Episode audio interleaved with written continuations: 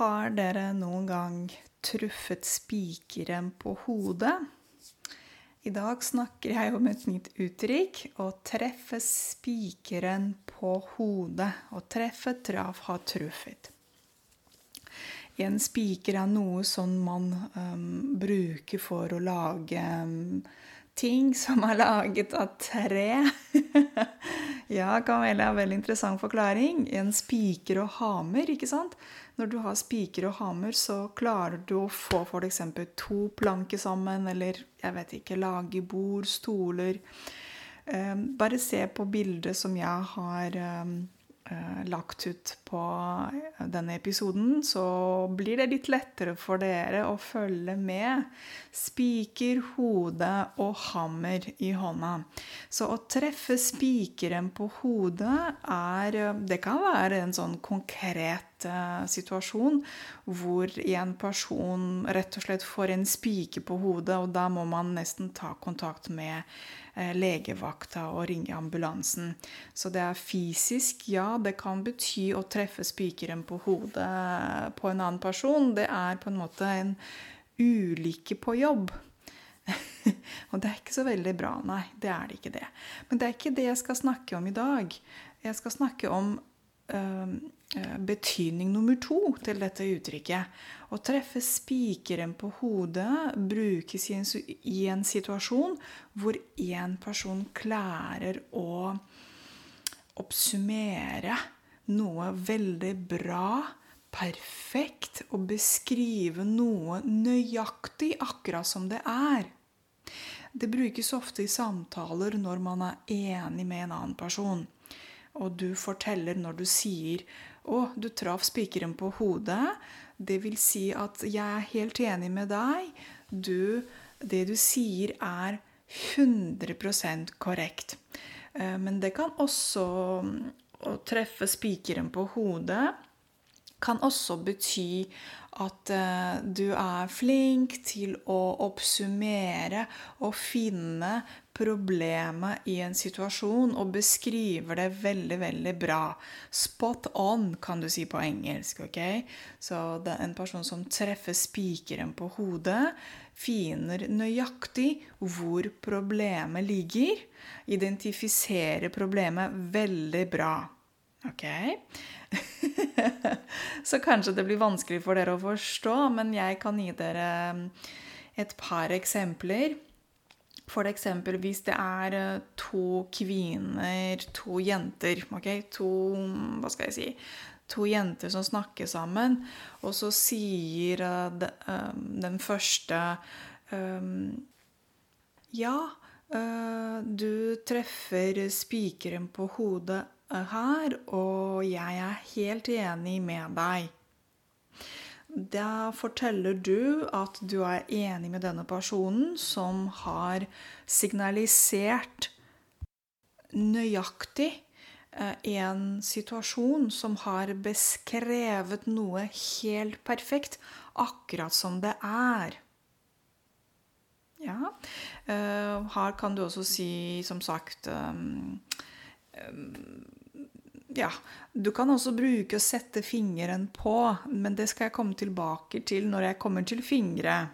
Nå jobber jeg fortsatt med uttrykk eh, og hode. I en annen situasjon, for eksempel, husker dere at det var vanskelig for veldig mange år siden for besteforeldrene våre, fordi de, de kunne ikke mm, fryse eller ha um, maten i kjøleskap, fordi det var ikke noe kjøleskap. Så for eksempel, du kan si eh, Oppfinneren til kjøleskapet klarte å treffe spikeren på hodet eh, til det folk flest trengte, nemlig et kjøleskap. Så her i denne situasjonen er det eh, oppfinneren, den som fant ut kjøleskapet. Og han klarte å fikse et problem som var så viktig for veldig mange, nemlig å sette maten inn i kjøleskapet. Ikke sant? Eh, særlig meieriprodukter. Melk, yoghurt, ost, smør osv. Eller din situasjon f.eks.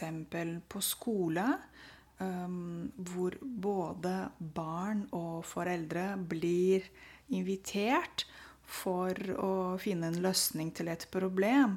Og så sier skolen f.eks.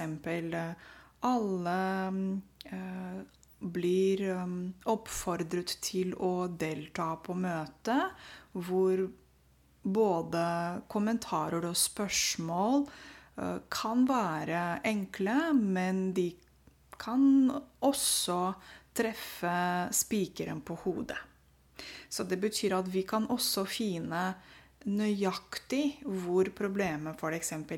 ligger, eller um, uh, essensen eh, til det vi kan gjøre på skole for å gjøre ting bedre for alle, eller for de fleste. Et annet eksempel. Han snakker ikke så veldig mye, men når han gjør det, treffer han ofte spikeren på hodet. Det betyr at det er en person som ikke snakker så veldig mye, men når han åpner munnen og sier noe, da blir han plutselig Da er han veldig Da beviser han at han er veldig flink til å fine nuan, altså essensen, det sentrale, i en diskusjon, eksempel. Okay? Og et eksempel til i dag blir det mange eksempler til dere. Ehm, denne boka um, treffer spikeren på hodet i den amerikanske utenrikspolitikk. Hva betyr det? Utenrikspolitikk det er politikk til, uh, mellom USA og resten av verden. Så utenriks vil det si utenfor landet. Innenriks innenfor landet. I landet. Inn i landet. Okay? Så her er det et eksempel om en bok som um, forteller om amerikansk utenrikspolitikk. Og den klarer å treffe spikeren på det. Forteller om det sentrale. Uh, nøy, nøyaktig og nøye, kan du også si. Um, kanskje problemer, kanskje meninger og sånne type ting. Så det er interessant. Uh, hvordan er det med dere? Treffer dere spikeren på hodet ofte? ha det!